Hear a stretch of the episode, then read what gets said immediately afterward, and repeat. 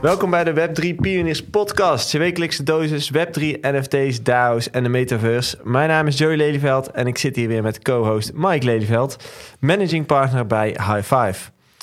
In deze wekelijkse show ontdekken we hoe de digital creators van vandaag de wereld van morgen bouwen. Deze show wordt mede mogelijk gemaakt door High Five, het Web3 agency van bureaugroep Handpicked. En dan de wekelijkse disclaimer. Wij geven geen financieel advies. Uh, Web3 kan geweldig zijn, maar tegelijkertijd kan er ook nog heel veel misgaan. Do your own research and don't blame us. Vandaag gaan wij te gast Jan Schelen. Welkom. We hebben weer een lijstje. Uh, toch alweer een lange. Boardmember bij de Blockchain Netherlands Foundation. Beter bekend als BC, BCNL, denk ik bij de meeste. Ja, klopt. Uh, digital Leader bij World Economic Forum. Ja. Die vond ik uh, impressive. Wil ik wel meer over weten. Eigenaar van Block On. Talk Like Ted. En de Mavens. Ja. En hij heeft een Amazon number one bestseller geschreven. Namelijk Excited. Ja, klopt ja. Ja, en net ook uh, recent weer een nieuw boek uh, uitgegeven. Ja, dus, hebben we die net gekregen? Was dat die? Ja, dat klopt. Oh, ja. En uh, die kunnen mensen kopen, downloaden? Ja, via de website watisjouwverhaal.com. Ja. Oh, tof. Okay. Het gaat meer over verhaal samenstellen, spreekcoaching. Ja. Dus hoe geef je een zo'n TED-waardig mogelijke presentatie? Ja, want voor de mensen die onder een steen geleefd hebben... TED Talks. Ja. Uh, dat is een behoorlijk ding geworden inmiddels. Klopt. Ja. Uh, dat, is een, dat is een wereldwijd concept, geloof ik, hè? Ja. Want hoe werkt dat precies? Als in, is dat een... een, een Zo'n soort korte pitch. Licentie? Ja, maar is het een licentie die je kunt krijgen? Of hoe werkt zoiets? Ja, het is uh, 35, 36 jaar, 36 jaar geleden ontstaan. Hè, rondom Zo lang? thema's technologie, entertainment design. Oh, echt? En dat was één conferentie per jaar. Die vond altijd plaats in San Francisco. En uh, ja, daar kwamen de grote der aarde kwamen daar uh, spreken. Ja. En uh, toen na een paar jaar, toen ging dat bijna failliet. En toen heeft de huidige eigenaar Chris Anderson, die heeft het overgenomen. En die heeft toen een aantal hele grote wijzigingen doorgevoerd. Eentje was dat hij zei van, goh, al die talks zetten we direct op het internet. Kan iedereen ze gewoon kijken. Ja. En het grappige is, iedereen had zoiets van, huh? Internet? Waarom zou je dat doen? Want ja, ik ben er ook wel eens een paar keer geweest. Um, en ik werd uitgenodigd, maar het goedkoopste kaartje kost 10k. Serieus? En dan heb je nog een kaartje ja. van 25k. En de jongens met veel geld kunnen de patron, dan betaal je 2,5 ton. Om in die ruimte aanwezig te zijn? Ja, precies. Uh, vier dagen lang. Dus um, weet je, waarom zou je dan de content, zeg maar, gratis beschikbaar maken? Mhm. Mm -hmm. nou, dus dat, dat was natuurlijk best wel revolutionair. Maar goed, dat is daardoor ook, weet je, je hebt talks die met 50 miljoen views ja. heeft bijgedragen aan het succes.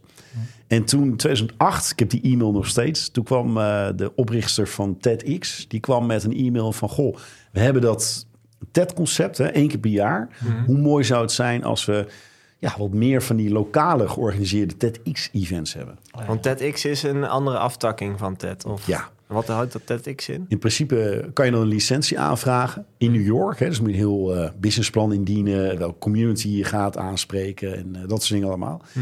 En uh, als je die licentie krijgt uh, toegewezen, dan uh, mag je in principe een eigen event organiseren. hier in Breda. maar goed, ik heb dus eigenlijk over de hele wereld een stuk of 50 georganiseerd. Ja. Um, en ja, het leuke is dan, je, je hebt wel te maken met Amerikanen. hè, dus het is een pakket van 60 pagina's aan regels en dingen die je gewoon niet mag doen, zeg maar. Ja. Maar aan de andere kant, ja, je kan gewoon een heel gaaf event uh, neerzetten onder Tof. een ontzettend sterke brand. Dus, Ja. uh, ja. Gaaf. Ik check ondertussen even of het kaartje erin zit. Die zit erin. Want ik vroeg me ineens af, wordt dit wel opgenomen? Maar dit wordt opgenomen. Helemaal goed. Toch? Jij ziet hier het kaartje. Helemaal goed. Ja, mooi. Fijn dat je daar nu achter komt. Ja, het is toch altijd even weer... eh, het blijft ook allemaal een beetje... eh, ja. Ehm, Je hebt gelukkig nog niks in de muziek gedaan en zo. Dus nee, daarom. Ja. Still early. Op een gegeven moment ga je op de automatische piloot... en dan schieten dit soort dingen erbij in. Eh, Dat gaat fout. ja. Gaat fout. Ehm, jouw verleden, laten we daar even beginnen, want jij noemde al evenementen. Eh, is het, daar ben jij in je zakelijke leven gestart? Evenementen organiseren? Nee, nee. Het, het leuke is dat eigenlijk alles wat ik doe, dat zijn uit de hand gelopen hobby's. Eh, en die ik uiteindelijk commercieel heb opgepakt. Mhm. Maar eh, nee, ik ben begonnen op mijn dertiende met websites te bouwen. En toen op mijn vijftiende was ik het al voor bedrijven aan het doen. En eh, ja, was gewoon echt gewoon al geld aan het verdienen. dus dat was Mike de hand schudden. Die is ook Ja, op op slaapkamer begonnen met Ja. eh, websites. Zo gaat het meestal. Hè? Ja. Dat, eh, nee, dus dat gedaan en dat uitgegroeid echt in, in een ehm, digital agency. Dus eh, Hm. ja, dat gewoon van echt grote communicatieklussen tot eh, bouwen van platformen, websites en dergelijke. Mhm. Toen ja, in, in contact gekomen met TEDx. Had ik zoiets nee, dat is vet. Eh, toen die events eh, georganiseerd. Dat is wel heel iets anders. Totaal anders. Ja. Ja, nou, het is natuurlijk communicatie, live communicatie, als je er zo naar kijkt. ja. En ehm, ja, dat begon dus echt met, eh, met die TEDx-events. En eh, ook daarna kreeg ik dus heel veel van zowel de partners als sprekers de vraag van... hey, dat is best wel leuk wat jullie daar deden. Kan je ons helpen met een TED-waardig event op te zetten?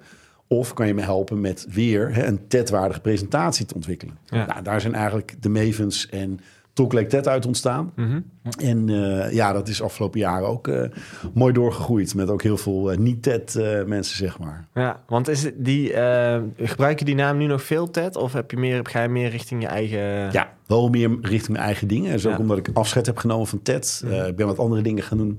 En ja, wat je ook wel merkt, je moet ook niet vast blijven houden alleen aan dit ene concept. Wat nog wel heel sterk is. Hè? Dus je ziet Ja, zeker. Het is volgens mij gewoon een heel sterk merk, Ja. denk ik. Hè? een merk. Kijk, Ja. op het toppunt had je 88 events in Nederland hè, op jaarbasis. Van Ted. Van TED. Zo, Dus even, je had van, van Friesland tot Breda en, en weet je, overal was er wel één.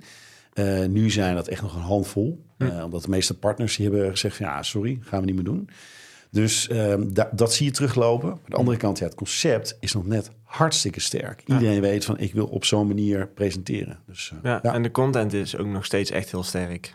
Dat is de sprekers en de kennis die je daar kunt halen als, als luisteraar, zeg maar, Ja. is enorm. Ja, nou, maar ook de manier hoe mensen presenteren. De manier hoe mensen hun verhaal vertellen, zeg maar. En nu zie je wel steeds meer dat, ook op, op de grotere events, de South by Southwest en dergelijke... dat steeds meer mensen heel veel van die ingrediënten overnemen.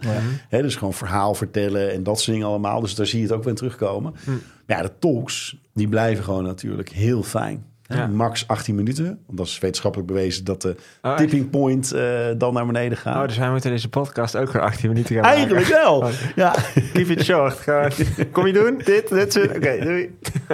Ja, maar zo is het natuurlijk wel. Ja, Ja. Eh, is hetzelfde met eh, wat ik altijd zeg van... zorg ervoor dat je direct het eerste wat je zegt... gewoon pam, strakke introductie. Dat is niet Want- gelukt. Nee. nee maar als je kijkt naar het meest recente onderzoek van, van Microsoft... over aandachtspannen... Ja, die is acht seconden. Zo. Acht? Jeez. Ja, Maar eh, is die van 18 minuten naar 8 seconden gegaan? Of is het een andere meting? nou, aandachtspannen is meer van... eh, hoe lang je echt aandacht erbij kan houden... Mhm. voordat je gewoon wegvalt. Hè? Want ook, als je gewoon echt een heel condensed verhaal hebt... waar je gewoon heel veel dingen in vertelt... dan is dat natuurlijk wel... eh, ja, na 18, sec- 18 minuten is het lang. echt... Dan is je, veel meer nodig. dan kan je eigenlijk niet meer focussen met je Ja. brein. Ja. Dat is hetzelfde dat je gewoon niet urenlang naar een scherm kan, eh, kan kijken, zeg maar. Attentiespannen is meer van dat je dat mensen gewoon heel snel afgeleid hebben. Iedereen heeft een afleidmachine in zijn, in zijn zak zitten. Zeker. eh, waar veel leukere dingen op te zien zijn dan wat waarschijnlijk een spreker vertelt. Dus ja, ja. Mooi. Eh, daarbij zag ik ook in het lijstje boardmember bij Blockchain Netherlands Foundation. Ja. Dan neem ik even aan dat je iets snapt van blockchain en Web3. zeker. ja. Eh, hoe ben jij in, eh, hoe is jouw interesse ontstaan in eh, Web3 en blockchain en dat soort dingen? Ja, dat is wel pijnlijk, hè? Ik ben eh 2015, toen was ik dus bezig met de TED-events. En eh, ja, we waren altijd een podium ook echt voor hele innovatieve ideeën. En eh, dus daar kwam ik in aanraking met, met Bitcoin. En eh, mensen die het al kochten. Dus dan heb ik echt nog op een hele eh, ja, shady exchange, BTCE, die is volgens mij opgerold door de FBI, heb, ik, heb ik toen mijn eerste 40 eh, bitcoins gekocht. Oh, ik dacht echt van, hey, cool. Ja. Ehm, ik, ik ben echt een nerd. Hè? Dus gewoon, ik vind het gewoon ontzettend gaaf, die technologie. Dus eh, ja, dat is 40 bitcoin gekocht. En toen verder gaan inlezen. En, maar goed, einde van het jaar organiseerden we een TEDx in de jungle van Panama. Zonder wifi, stroom, telefoonbereik, whatever. Ik dacht van, nou weet je, die 800 dollar gaat hij toch nooit meer boven, joh. Dat gekke internetgeld. Dus heb ik alles verkocht. nou, ik heb wel winst gemaakt. Laat Dat gewoon wel. positief houden. Ja. Maar dat is dus mijn eerste aanraking met, eh, laten we zeggen, Web3. Ja. Maar weet je, die, eh, het aankopen van die bitcoins was toen ook al, wat je al zegt, even een pijnlijk proces eigenlijk. Hè? Crime. Ja. om daaraan te komen. Ja, je moest echt geld overmaken. En Ja. Dat duurde dan vijf dagen en dan kwam het ergens terecht. En kijk, op zich het, het, het kopen. Hè, als je nu Binance gewend bent, hè, dat één groot casino met Mm. 10.000 functies. Nou, dat was wel heel slik. Het was gewoon klik, je had gewoon drie coins. Ja. Hey, je had Namecoin en Litecoin en, en, en eh, Bitcoin. Ja, Ja. en punt. En dus, dus dat ging wel heel makkelijk. Maar het was wel spannend. Omdat, ja, ja goed, er was ook geen support. dat hoeft allemaal niet. Ja, en als je een test wilde doen, dan deed je eerst een klein beetje. En dan moest je dus ook weer dagen wachten voordat je zag van die... Hè, Ja. dus, ook, ja. En als je dan kijkt hoe snel dat ontwikkeld is hè, in die tijd. Ja. Als je nu, eh wat zitten we, vijf, vijf jaar verder? Ja. Ja, dat vind ik ook wat leuk als je kijkt naar het ecosysteem zelf. Mm. En er gebeurt het, hoe ontzettend snel die ontwikkelingen gaan. Kijk, ze zijn vaak niet zichtbaar, omdat wat je in de media terugziet, eh ja, is vooral negatief. Hè? Dat is eh, vooral de scams en, en, en de, de, de fouten die er worden gemaakt zeg maar, in de technologie. Ja.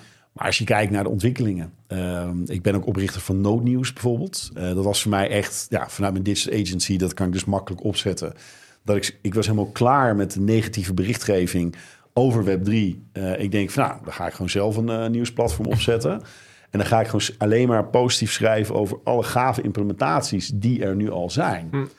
Waar je dus nooit over hoort. Nou, Ja. Dan kom je dus met alleen maar hele leuke verhalen in aanraking. Waar je van denkt van, denk van ja, gaaf. Ja. En niet alleen gaaf, maar ook van hey, het heeft ook echt nut. Hè? Want dat is ook vaak een beetje van ja, goed, ja, is precies. het Is het een muntje wat op en neer gaat of Ja. zit er ook iets achter? gimmick of eh, Ja. ja. dus dat Is, is er een verhaal die echt voor jou uitblonk, waarvan je, of blinkte, blinkte, Ja. eh, waarvan jij zegt van, ja, dat was echt voor mij een eye-opener? Nou, ehm, als je kijkt van waar ik zelf vooral met de technologie heel erg in eh, geïnteresseerd ben, dan eh, is dat vooral de global impact. Ehm, Kijk, heel eerlijk, we wonen in het mooiste land ter wereld. Alles is al zo perfect dat heel veel dingen gewoon totaal niet interessant zijn voor ons. Hè? Mhm. Crypto's en dergelijke is gewoon, weet je, we hebben het beste financiële systeem ter wereld. Zo goed zelfs dat alle criminelen van de wereld gewoon naar Nederland komen voor hun financial dingen, zeg maar. Ja. Dus waarom zouden we crypto gebruiken? En dus Ja. met, met meer dingen. Ehm, dus, dus dat even als basis. Ik kijk vooral naar de global impact, waar het kan, wat het echt kan hebben op ontwikkelingslanden en Mhm. de mensen daar. Dus daar zie ik wel gewoon, als ik kijk ja, van, van Afrika tot Zuid-Amerika, gewoon echt waar de technologie gewoon echt het leven verandert van de mensen. Mhm. Het is niet een leuke gimmick ernaast, hè, even een paar NFT's kopen en Ja. die rechten. Nee, gewoon echt het leven verandert van de mensen. Ik zou de dat kunnen... technologie is daar vandaag de dag dus al beter dan wat ze Ja. hebben. Want, want zou, je kunnen, het, eh, zou je het kunnen vergelijken hè, voor onze Nederlandse, eh, Nederlandse visie ehm, toen Tikkie kwam? Dat je Ja. ineens beseft van, hé, hey, nou kan ik gewoon kleine bedragen even naar, bij een vriend van mij halen. Dat er was Dat- echt ineens een besefingsmoment van, wow, dit is echt... Dit voegt iets toe in mijn leven, zeg maar. Precies. Inderdaad, wat je zegt, wij hebben dan niet meer met crypto. En dan denk ik, ja. we hebben eigenlijk al die functies al. Het werkt op een oude systeem, maar aan de voorkant ziet het er misschien zo uit. Maar in dat soort landen is dat er gewoon niet. Nee. Pak de Filipijnen. Mhm. Eh, bij de Filip- in de Filipijnen 11% van de volwassenen die heeft een eh, bankrekening. 11%. Goh, Dat is dus 89% niet. ja. Mensen, hun spaarrekening, dat is het aantal koeien wat ze in de achtertuin hebben. Gewoon letterlijk. Hè? Dus als je kijkt hoe mensen daar denken over, over waarde, over bezittingen en dergelijke. En toen zag je in één keer dat er een grote crypto-app opkwam. Nou, en iedereen gebruikt die app nu. Hè, om geld te sparen, om te versturen, dat soort dingen allemaal. Ja. Dus, eh, maar ook, weet je, als je kijkt, eh, dat, dat is leuk. Hè? Je ziet zeg maar veel internationale instituties, die zie je aan de ene kant heel negatief over crypto, maar heel positief over blockchain. Ja. Eh, en dat, dat gebruiken ze ook zelf. Hè? Dat, eh, Dus echt de technologie zelf, daar zijn ze positief over. ja, Dat is eigenlijk de uitvinding natuurlijk. ja, alleen het monetaire deel daaraan, crypto, Ja. daar zijn ze niet zo happig op. Nee, ja. Nee, maar dat is... eh, als je kijkt vooral naar de Verenigde Naties... Ja, die hebben al wel meer dan tien projecten... op het gebied van eh, crypto en blockchain. Dus die durven wel die combinatie te maken. Maar ook, en dat vind ik een van de allermooiste voorbeelden... van eh, waar de technologie echt impact heeft... omdat dat alle facetten laat zien... is het eh, World Food Program. Eh, ik weet niet of je daar eens van hebben gehoord van die, van die case... Nee, wat daar gebeurt is dat nou, je hebt vluchtelingen, Mhm. hè, bijvoorbeeld vanuit Syrië, grote stroom vluchtelingen. Mensen hebben vaak eh, ja, niks, behalve een telefoon. Iedereen heeft wel een telefoon. Ja, ja. dat is bizar, hè? Ja. Het is hetzelfde met, we hebben, we hebben- het is het 1,8 miljard mensen heeft geen bankrekening, maar vaak wel een telefoon. Nou, business case. Ja. Ja. Dus dat zag je daar ook. En wat er gebeurde is, ze hebben eigenlijk alle vluchtelingen getokeniseerd. Dus, Hoe eh, dan? Weet je dat? nou ja, ze, hebben, hè, dus, eh, ze zijn die, die vluchtelingen, de gegevens daarvan, die zijn op een bepaalde manier op de blockchain gezet. Oh, zo ja. En niet alleen hun medische records. Hè, dus de mensen die hoeven niet allemaal papieren, whatever mee te dragen. Nee, ze komen bij een, een dokter of een ziekenhuis en ze hoeven alleen maar een iris-scan te laten zien. En de dokter krijgt het laatste medische dossier. Wow, weet je. Ik bedoel, hier in Nederland, eh, de ziekenhuizen werken niet samen. Ik Ja. heb in, in een ziekenhuis gelegen. Nou, dan moesten ze letterlijk gewoon mijn dossier uitprinten, via de post sturen naar het andere ziekenhuis. En dan gingen ze overkloppen. Ja. Nederland, hè, Ja. 2023. Ja. En daar, en noemen ze leapfrog, hè, dat soort ontwikkelingslanden, die gaan altijd, die nemen een stap, Ja. ja, een grote stap extra. Ja, want die hebben, ik hoorde dat afgelopen week ergens, dat eh, die landen hebben inderdaad niet het probleem met, eh, als je al iets hebt staan, om dat aan te passen, kost eigenlijk meer tijd dan gewoon helemaal from scratch beginnen. Precies. Met Ja. iets nieuws. En je hebt vaak ook bepaalde belangen die er al Ja. spelen. Ja, Die regelgeving. verdedigd worden, maar ook, ja, ook bedrijven Ja. en instituties. Dus de- dat is een reden waarom misschien, ik weet niet of je derde wereldlanden kunt noemen, maar dat dat soort landen nu ehm, grotere stappen maken daarin dan westerse landen misschien. Ja. Ja, gewoon waarschijnlijk ook omdat de hè, de, de noodzaak Ja, is zoveel groter. Dat zie je ook. De Wereldbank geeft letterlijk eh, tientallen miljoenen euro's subsidie aan landen die bijvoorbeeld blockchain inzetten Hm. om eh, landrechten bijvoorbeeld in kaart te brengen. En Nederland heeft het kadaster, maar Mhm. het gewoon nog steeds in, in Afrika, een derde van de landrechten is gewoon vaag. Hè? Als, en dan bedoel ik vaag als in, is door, vaak door corruptie van de ene persoon op de andere persoon eh, geschoven. Ja. Eh, of, er zit een andere gek staartje aan, zeg maar. Dus eh, daar zie je nu dat dat soort landen ook eh, Ja. ja. hun eh, landrechten zeg maar tokeniseren. Ik moet even lachen. Ik had laatst een, eh, hoe noem je dat, een eh, hovenier bij ons thuis. En toen eh, zaten we in de tuin en die zei dus van... Weet jij dat Nederland eigenlijk het enige land ter wereld waar we schuttingen hebben? Dus Oh. dat je gewoon, dat je als net tuinen aan elkaar zit... en dat je dus allemaal vakjes hebt wat van jou is. Dacht ik, ja inderdaad, weet je wel. De meeste landen zijn het gewoon... Je hebt gewoon een stuk grond. Als in, je hebt gewoon 1000, 2000 vierkante meter. Ja. Er staan misschien wel een paar piketpaaltjes omheen, maar... Ja. Ons land bestaat uit schuttingen gewoon. Maar het oh, ook dat omdat is- het omdat- zo dicht op elkaar ja, en ook omdat dus het kadaster, gewoon alles is afgemeten. Alles is gewoon, dit is van jou, dat is van die. En dat staat allemaal geregistreerd. En eh, ik had daar nog nooit over nagedacht. Ik vind het heel normaal natuurlijk, omdat ik hier woon. Maar als je erover nadenkt, ja, in India staat daar denk ik niet geregistreerd welk vakje van wie is. Nee. Tenminste, niet alles, zou ik het zo zeggen. Nee, maar ook, ik bedoel, we hebben de hoogste dichtheid qua eh, elektriciteitspalen en, Ja. en qua infrastructuur en dergelijke. Ja. Dat is omdat natuurlijk alles zo gecondenseerd is. Ja. Dus eh, Maar er zijn dus in andere landen worden dus, wordt dus de blockchain ingezet om dat soort eh, informatie te verwerken.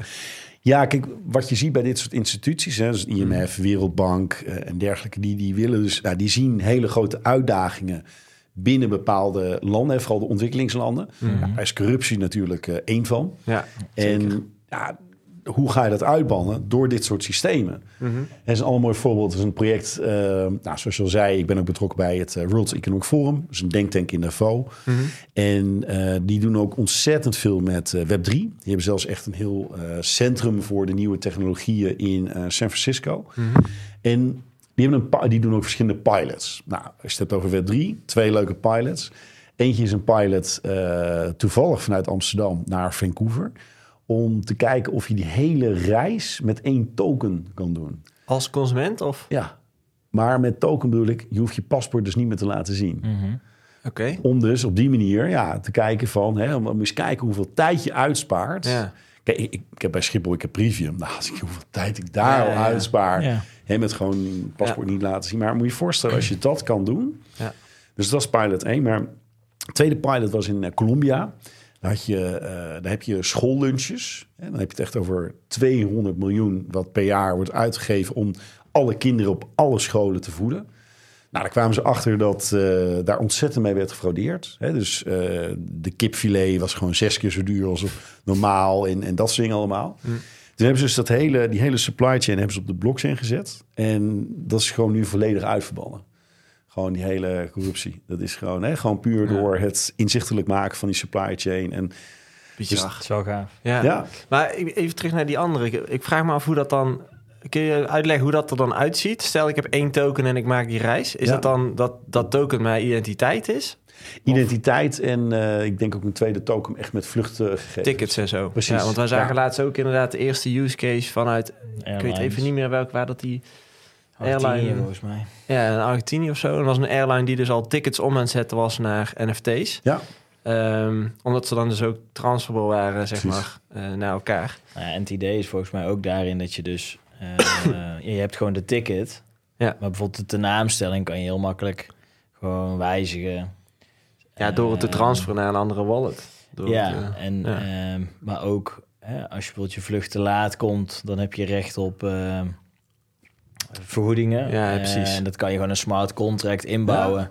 Dus zodra het vliegtuig landt, dan weet eigenlijk het contract al, ben je op tijd ja of nee, ben je te laat, dan heb je je geld al voordat je bij de bagageband staat. vergoeding eh, Ja. meteen daar uitgekeerd. hoef en je zo. geen een paar jaar over Ja. te doen met zo'n Nokia en OP-partij. Zo een beetje dat soort eh, technologieën erin. Volgens mij waren het nu vooral de low-cost airlines die ermee eh, gingen Ja. experimenteren. ik vind het vooral heel grappig. Ik zou dat niet verwachten namelijk. Ehm, Want eh, kijk, eh, wat jullie zeggen van, eh, volgens mij is dat het voorbeeld van de oracles. Hè, dus de grote datasets die aangesloten zijn op de blockchain. En daardoor automatische dingen kunnen faciliteren. Nou, vliegbewegingen. Mhm. Maar als je even kijkt vanuit een businessmodel van vliegmaatschappijen, dan is het juist die naamwijzigingen en dergelijke. Daar zit eh, geld, ja. Daar zit geld. Bagage en dat volgens mij was dat dus ook, als ik goed herinner, het artikel van waarom dat het vooral low-cost airlines waren die dit deden. Die, die hebben die personen niet eh, on the ground. Dus die, die willen die handelingen niet. Dus de- Ja, voor hun was precies. het juist een efficiency en een besparing. Ja, en dat is bij Ryanair natuurlijk wel. Als er daar iets misgaat, dan eh, veel plezier. Los het zelf maar op. Precies, Dan ja. heb je niemand om tegen te praten eigenlijk. Nee. Bij KLM wel. Maar daar betaal je dan dus ook Ja. fors voor. Grappig. Ja. Ja, daar is ook niet naar gekeken. Maar goed, er wordt dus wel echt geëxperimenteerd. Ook al vanuit de World Economic Forum. Ja. Ehm, zijn er andere dingen die daar al gebeuren? Of wat is jouw rol daar precies in? Nou, officieel is mijn rol eh, digital leader. Dus ik heb daar verschillende rollen gehad van curator en, en eh, global shaper. Ja, ze altijd hele mooie termen. Ehm, maar kijk, in principe is het een grote non-profit die vooral inzet op het faciliteren van onverwachte kruisbestuivingen. Dus ehm, het is bekend geworden rondom de, ja, de Davos-meeting. Ja. Er is ook een, een Summer Davos in China. En die gaat elk jaar echt over tech, tech, tech. Hè, Dus dat is echt, als je nerd bent, is dat het uh, walhalla van de tech. Um, maar in principe, het hele jaar door zijn er gewoon honderden meetings die worden opgezet. Uh, klein, maar ook gewoon hè, een paar honderd man.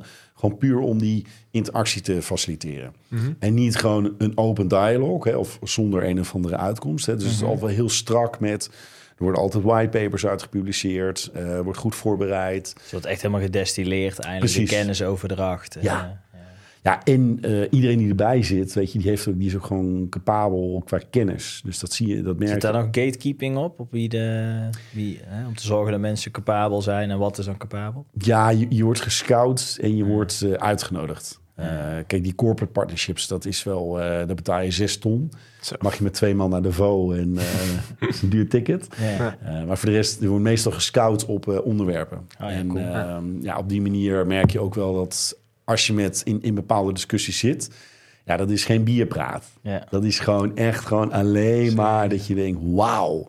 Echt de diepte in. Ja, dat, dat, dat vind ik zelf ook wel leuk. Weet je, er zitten gewoon echt alleen maar knowledgeable people. En daar zitten ja. niet de, de, de inspirators. Nee, er zitten gewoon de mensen die gewoon uh, werken aan de technologie. Weet je, ja. die gewoon ook niet alleen zeggen van jongens, zo staat ervoor, maar gewoon dit is mijn outlook voor de komende vijf jaar. Nou, ja. Dat vind ik gewoon heel, heel ja, dus, En dit is ook hoe het werkt, want ik heb gezien dat het Precies. werkt. Ja. ja. En wat er niet werkt. Ja, en vooral wat er niet werkt. dat is ook interessant. Ja. Kun jij uh, uitleggen wat de Blockchain Netherlands Foundation is? Ja, nou, trots uh, bestuurslid van. Uh, mm. Samen met uh, Rudolf van E. Rudolf die heeft dat zes jaar geleden opgezet. Puur met de organisatie van wat meetups. Mm -hmm. Ja, blockchain was natuurlijk nog niet wat het nu is. Hè? Dat was twee bear markets e-, eerder, zeg maar. Ja. En er was er wel behoefte vanuit enthousiastelingen om ja, bij elkaar te komen. Geïnspireerd te raken door de ontwikkelingen.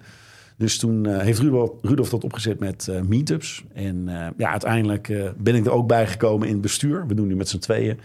En eh, hebben de stichting de afgelopen jaren echt eh, verder uitgebouwd. Dus we hebben 100 actieve leden. We hebben drie grote corporate partners. Eh, daarnaast ja, zijn we ook bezig met allerlei hele grote eh, events. Eh Dutch Blockchain Week, Dutch Blockchain Days. eh, ja, heel veel verschillende andere kleine evenementen. Echt alles rondom Web3. Ja. Dus de ene keer...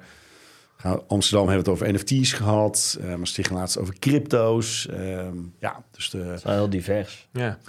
Ja, maar goed, het ecosysteem is natuurlijk heel Ja, divers. zeker. En eh, we zijn begonnen echt in de eventtak. Maar het leuke is wat we merken is dat... eh, ja, het is een klein wereldje, het ecosysteem. En daarom, wat we ook leuk vinden, is een paar stappen verder gaan. Dus we zijn ook steeds meer aan het verbeteren, vind ik zelf. Bijvoorbeeld, ehm, we hebben nu twee taskforces opgericht. Eén rondom educatie, één rondom regulatie. Omdat we zien, ja, dat zijn gewoon hele grote uitdagingen bij onze leden, partners, algemene ecosysteem. Ja, Zeker. laten we een taskforce voor, voor opzetten. Gewoon het net ophalen en gewoon een visie schrijven. Hè, en dat gewoon overhandigen aan de policymakers. Dus dat is een tak. Ehm, maar ook ja, start-ups en skill-ups die zeggen van nou, we willen ook buiten Nederland treden. Nou, laten we handelsmissies opzetten. Zie je dat dat veel gebeurt? Nou, het leuke is, we zijn ook eh, medeoprichter van een eh, Europees eh, netwerk. Van allemaal eh, Europese eh, Web3-ecosystemen. Dus dan zie je een beetje wat er overal gebeurt. En je ziet sommige landen, vooral in, ehm, in, in Duitsland, dat ze echt ook. En, en natuurlijk Zwitserland, Crypto Valley. Dat ze echt tien stappen verder zijn. Dus gewoon echt qua, regulatie of... nou, niet qua regulatie, meer qua, qua, qua netwerk. Hè? Dus Ah, impact en de conversaties met de regulators. Hier in, Mhm. in, wat gezegd, in Nederland is het vooral nog van... eh, oh ja, blockchain, dat is toch dat met crypto's? Hè, dat, Daar, moet, daar moeten we iets mee. dat niveau, ja. Dus dat, weet je, en in, in, in Zwitserland bijvoorbeeld zie je al... dat ze samen policy papers eh, schrijven. Weet je, dat ze gewoon echt helemaal zijn geïntegreerd... serieuze discussies hebben. Ja. Dus dat is wel... eh, Waar zit dat in, dat het daar voorloopt? Gewoon eerder begonnen? Of? Heel eerlijk, ik denk ook eerder begonnen. Mhm. Ehm, kijk, als je kijkt puur naar bijvoorbeeld onze foundation. Ja, dat heeft gewoon een paar jaar gewoon gedraaid op meetups. Ja. Nou, zijn afgelopen jaren met ook heel veel andere activiteiten doorgegroeid.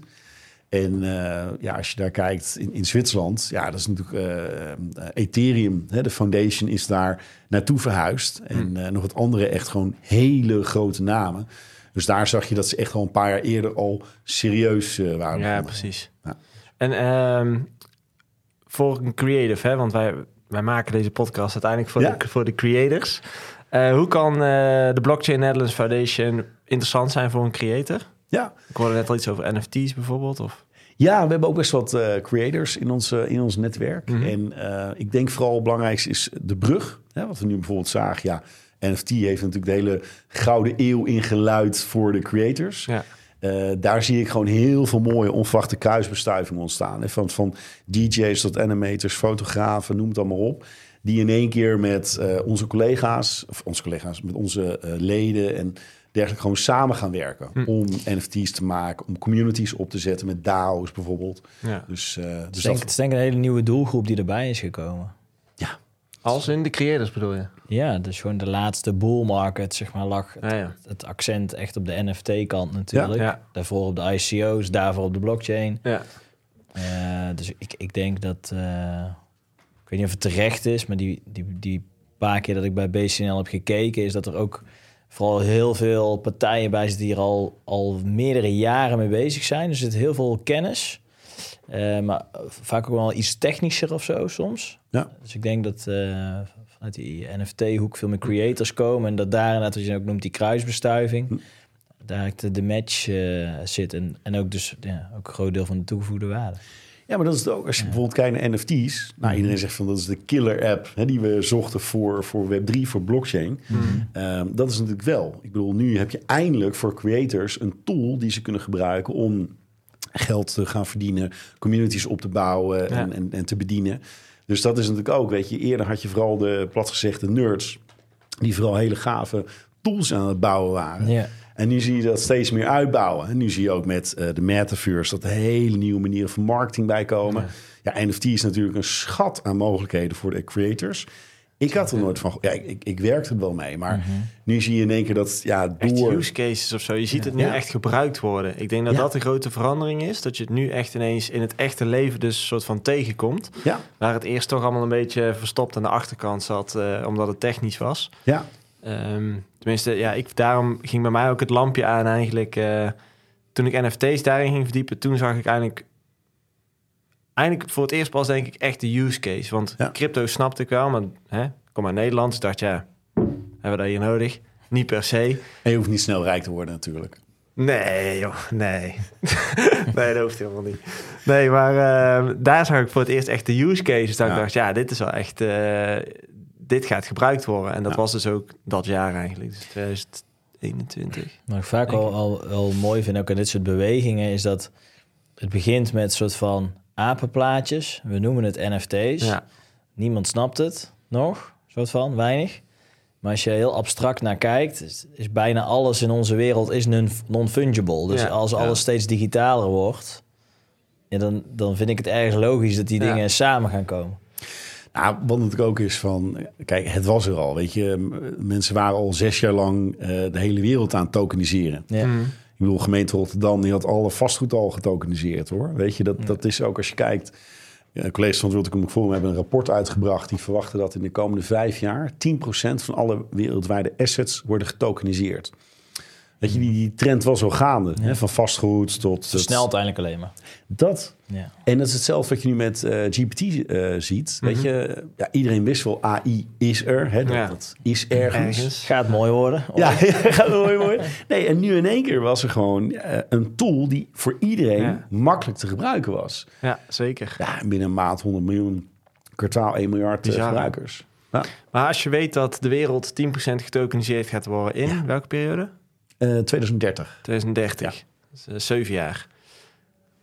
Dan is het eigenlijk toch gewoon wachten op een soort ja, app dus inderdaad die dat gaat... waarmee je dat dus makkelijk kunt gaan maken. Want dat het een token is, is oké. maar hoe kan ik het als gebruiker aan de voorkant ook ervaren, zeg maar, in een... eh, ja, hoe leg ik dit uit? Ehm, Hoe, zo makkelijk mogelijk maken, zeg maar, om te doen. Ja, Dat, dat mijn digitale eigen, eigendommen dus ook gewoon simpel beschikbaar zijn en misschien te verhandelen zijn en, eh, en dat soort dingen. Ja. Ehm, nou, ligt natuurlijk aan wat voor eigendom het ook is. Hè? Mijn huis hoeft niet te verhandelen, per se. Nee. Nee, heel eerlijk, kijk, ehm, toen, toen dit opkwam en vooral generative AI en al die eh, afbeeldingen, dat iedereen zei van, oké, flat die internet with shit. Ja. En dat was ik vorige week mijn vraag toen we een, eh, een, een meetup hadden in Amsterdam met de BCNL Foundation over NFT's aan een aantal mensen. Van, nou, weet je, ben je niet bang dat door die generative AI dat in één keer iedere puber gewoon een NFT-collectie kan lanceren? Hè, wat in principe de Zeker. basis is. Ja. Dus daar had ik in het begin ook zoiets van, ja, weet je, moet het zo makkelijk zijn om dit soort dingen te tokeniseren? Nou, gelukkig, het valt mee met de collecties, hè, met eh, allemaal tieners die snel eh, financieel vrij willen worden en denken, nou, dan knal ik er even een NFT-collectie op. Ja. Maar als je kijkt naar de veelheid qua tools die er al zijn om assets te tokeniseren, hè, van, van vastgoed, kunst, noem het allemaal op, nou, weet je, die zijn er al. En die Ja. zijn vaak ook heel makkelijk. En dat is het ook, weet je, als ik bijvoorbeeld met, uh, met klanten werk, gewoon in een bepaalde industrie. Hè, dus ik heb bijvoorbeeld een keer in Costa Rica gewoon op eh, de toeristische industrie eh, geholpen. Eh, echt op het vergroenen van die industrie. Nou, dan maak je gewoon een analyse van welke tools zijn er al op de bepaalde topics. Ja, mega. Een stuk of veertig. Weet je, gewoon Ja. kant-en-klare applicaties. En hoe uitziet dat dan in de praktijk? Als in, hoe ziet dat er uiteindelijk dan uit? Nou, het zijn gewoon app- webapplicaties. Kijk, Oh. en het, het grappige is het, is, het heeft een achter- en een backend, hè, een technologische eh, infrastructuur ge- waar met blockchain en eventueel crypto wordt gewerkt. Mhm. Maar vaak zie je dat niet. Aan de voorkant beleef je het gewoon als denk- een leuke app of zo. Ik denk wat veel mensen ook niet realiseren van de creators, is dat blockchain technologie bijvoorbeeld ook al eh, even los van de hele decentralisatie eh, als doel van de Web3 beweging, is blockchain technologie op zichzelf zorgt ook gewoon vaak voor heel veel efficiëntie binnen bedrijven. Dus Ja.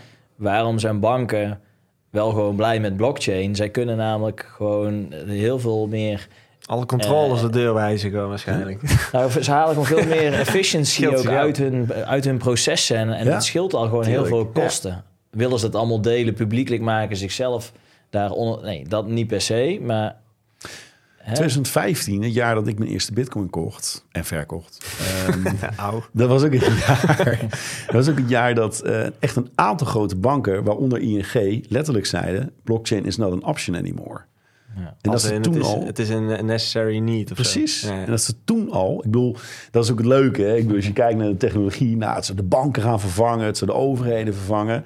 Maar nu, banken, nou, ING heeft al twee eigen DeFi-projecten opgezet. Ja. Weet je, dus dat eh, is wel grappig om te zien. Nou, Dus ABN AMRO heeft een eigen wallet gehad. Ja. Die ze overigens niet Ja. hebben uitgebracht. Of Nee. nee. wel ze mee gestopt. Klopt, mocht niet. Ja, Dus die zijn er allemaal wel echt mee aan het experimenteren. Maar het is gewoon nog niet op het punt gekomen dat het echt eh, misschien de tijd rijp is of zo. Of dat...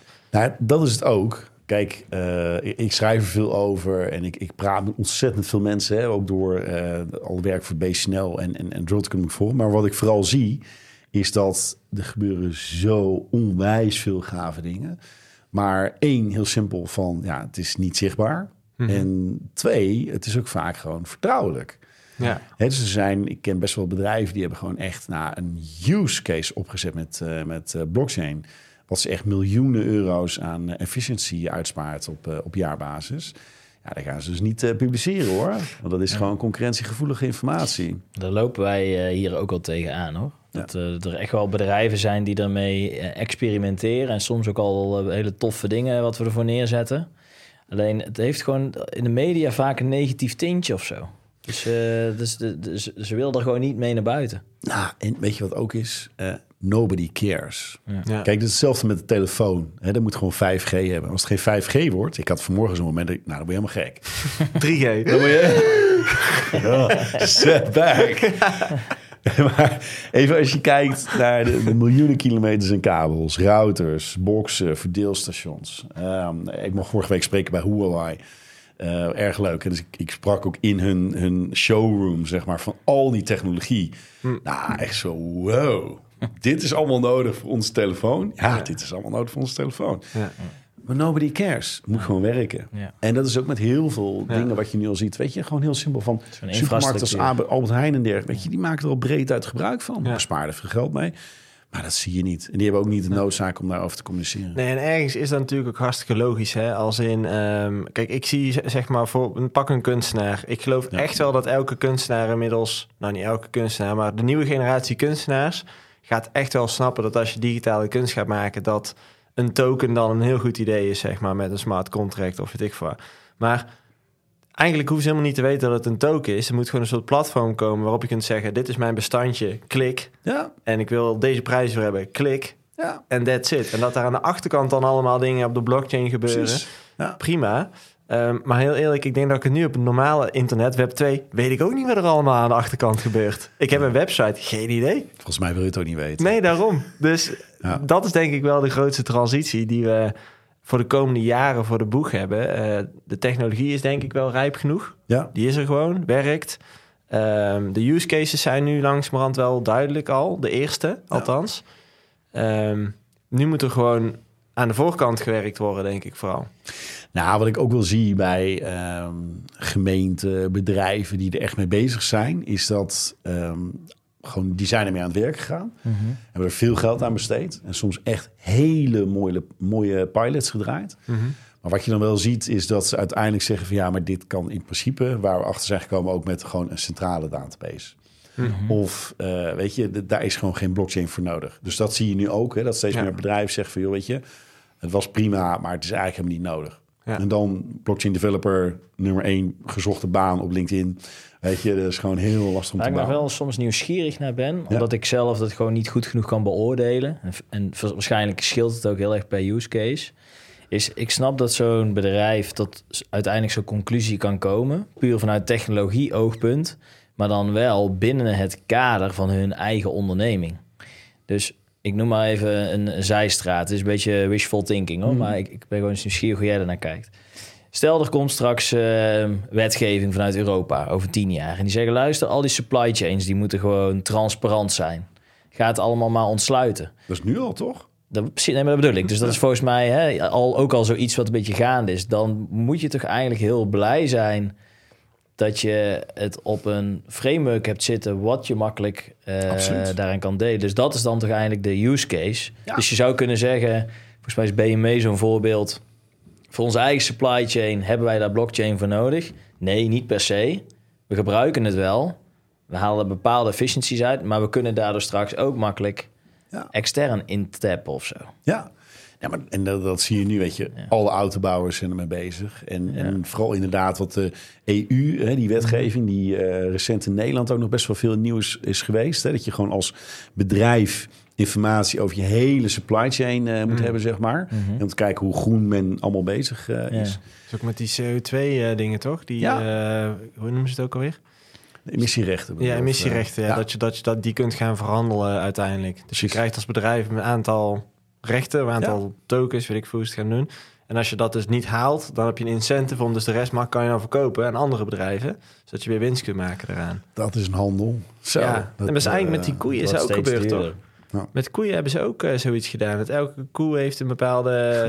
ja, dat is echt een... TV-stapel. eh, Ik huur een eh, eh, ruimte bij een boer die ze als een dier heeft verkocht. En eh, die heeft het ooit al eens verteld dat elke koe heeft dus een soort dus een eigen registratienummer. En in Nederland mogen er maar een x aantal koeien zijn.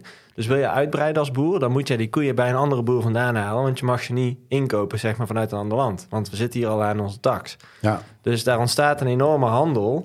koehandel. Ja, Ja, koehandel. Precies. Idee hij, is spel. daar echt, hij, hij heeft gigantisch geld verdiend aan die koeien. Omdat hij zegt, ja, er was gewoon iemand die heel graag wilde uitbouwen. Of uitbreiden. Volgens mij hebben ze ook bij de introductie daarvan aanname gewoon al die koeien gewoon genummerd. Dus als je er heel Ja, veel had, mij had je wel, gewoon heel veel van die rechten gekregen. Ja, Ja. dat was, was toen het, ja. niks waard. Maar tien jaar later was het wel veel waard. Ja. Ja. En toen...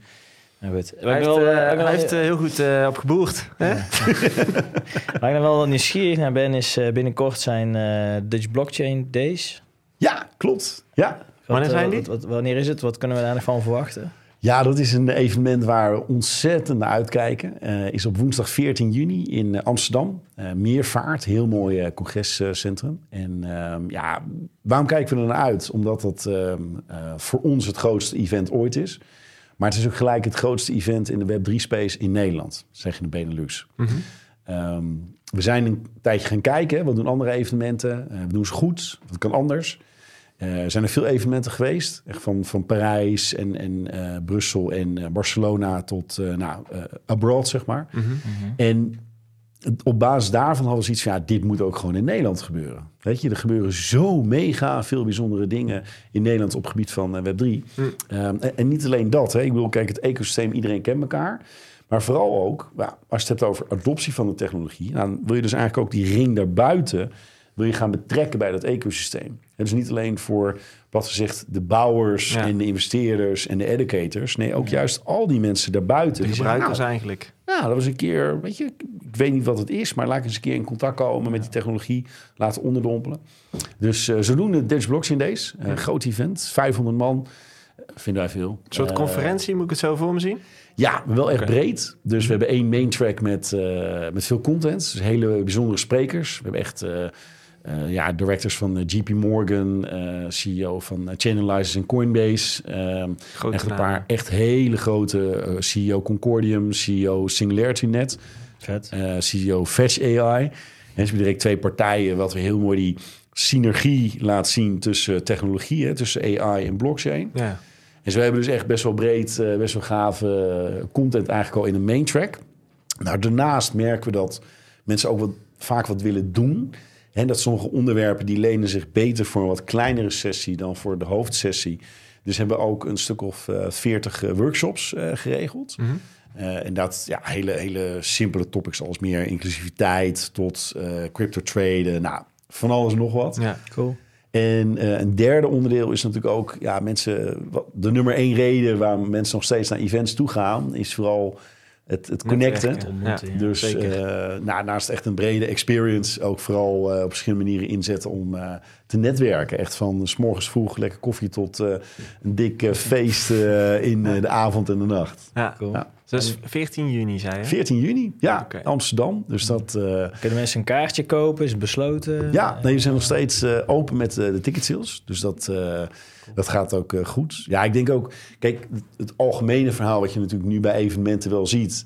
en dat krijg ik ook van heel veel, eh, ja, ook hele grote namen... hè, van de jongens die voor Arme van Buren de dingen neerzetten... is dat eh, het FOMO-gevoel is weg. Dat zie je eigenlijk overal wel. Hè? Dus dat Niks van gemerkt de laatste. Nee. Nee, bij jouzelf. Maar meer van hè, dat als je het hebt over mensen kaart kopen. Ja, dan vroeger ja. was dat yes, ik ga ergens naartoe. Nu is het gewoon een transactie. Ja. En liefste één dag van tevoren.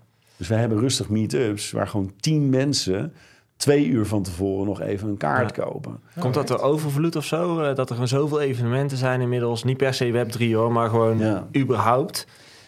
Zoiets. Kijk, mensen zijn lui in de basis. Wat ook. Dus je moet mensen prikkelen, altijd op verschillende manieren om iets te kopen. Dus als je geen early bird hebt, dan eh, zul je ook dat mensen echt pas op het einde een ticket gaan kopen. Ja. Vooral, kijk, als jij geen Lowlands bent, hè, waarvan je weet dat je binnen vijf minuten alles verkocht hebt, dan hebben mensen vaak zoiets. En dat komt wel echt vanuit corona. Hè, die angst dat iets uiteindelijk niet door kan gaan. Ja. Eh, dus dat, dat zie je wel echt terugkomen. Dat mensen gewoon lekker tot het eh, einde wachten. Ja. Ja, Is er geen fonds of zo die gewoon zegt van eh, dat dat... is niet meer. Nee, dus Nee. volgens mij hebben ze dat met corona inderdaad allemaal Na opgeschort. corona is het allemaal opgeschort. Dus dat, eh, iedereen kan nu weer lekker zelf zijn eh, events doen. Maar wat natuurlijk ook is, algemene maatschappelijke trend. eh, ja, er zijn nog nooit zoveel mentaal zieke mensen geweest. Iedereen is zo overweldigd. En dat zie je ook terug in al die dingen naast het werk. En dus dat mensen liever nog een dag gaan werken dan een dag naar een event. Ja. Dus dat zie je ook wel hè, terugkomen zeg maar, in de events. het is niet meer alleen kennis ophalen, maar het ver- vergroot ook je werkdruk, want eh, dat Ja. zul je het ook daarnaast Komt moeten erbij, doen. ja. Ja. ja. Mooi. Oké. Eh, wij zitten eigenlijk al aan de tijd. Ja, Vlieg voorbij, hè? ja, helemaal goed.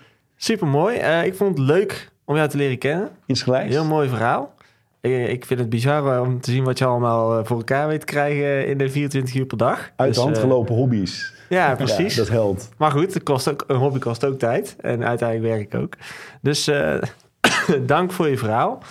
En ehm, voor de mensen die naar eh, de Blockchain Days Ja, willen. Ja. 14 juni, kaarten zijn nog te krijgen. ja. En, En eh, voor de mensen die zeggen van nou, ik vind het wel leuk om een keer een meetup bij te wonen, Mhm. dan kan je gewoon naar bcnl.foundation. Dus bcnl.foundation en daar staan eh, al onze meetups die we ook de komende tijd organiseren. kun je gewoon aanschuiven of ook kaartjes. Of... Ook kaartjes kopen. Ja. ja, we zijn gestopt met gratis events. Gewoon Ja. puur Maar het zijn niet heel duur, toch? Kan ik me herinneren. nee, een tientje. Ja, precies. Dus het is Ah, voor ja. ons meer om Ja, een no-show te eh, verlagen ja, ja. en toch een kleine bijdrage in de drankjes. Ja. Leuk. En kan Top. het ook echt iedereen aanbevelen. Het zijn leuke events en Ja. eh, vaak leuke Ja. locaties. En Ik door het wil, land eh, heen. Dus, We doen ons best. ja, en ga zo door. Ja. Helemaal goed, dankjewel. Heren, dankjewel.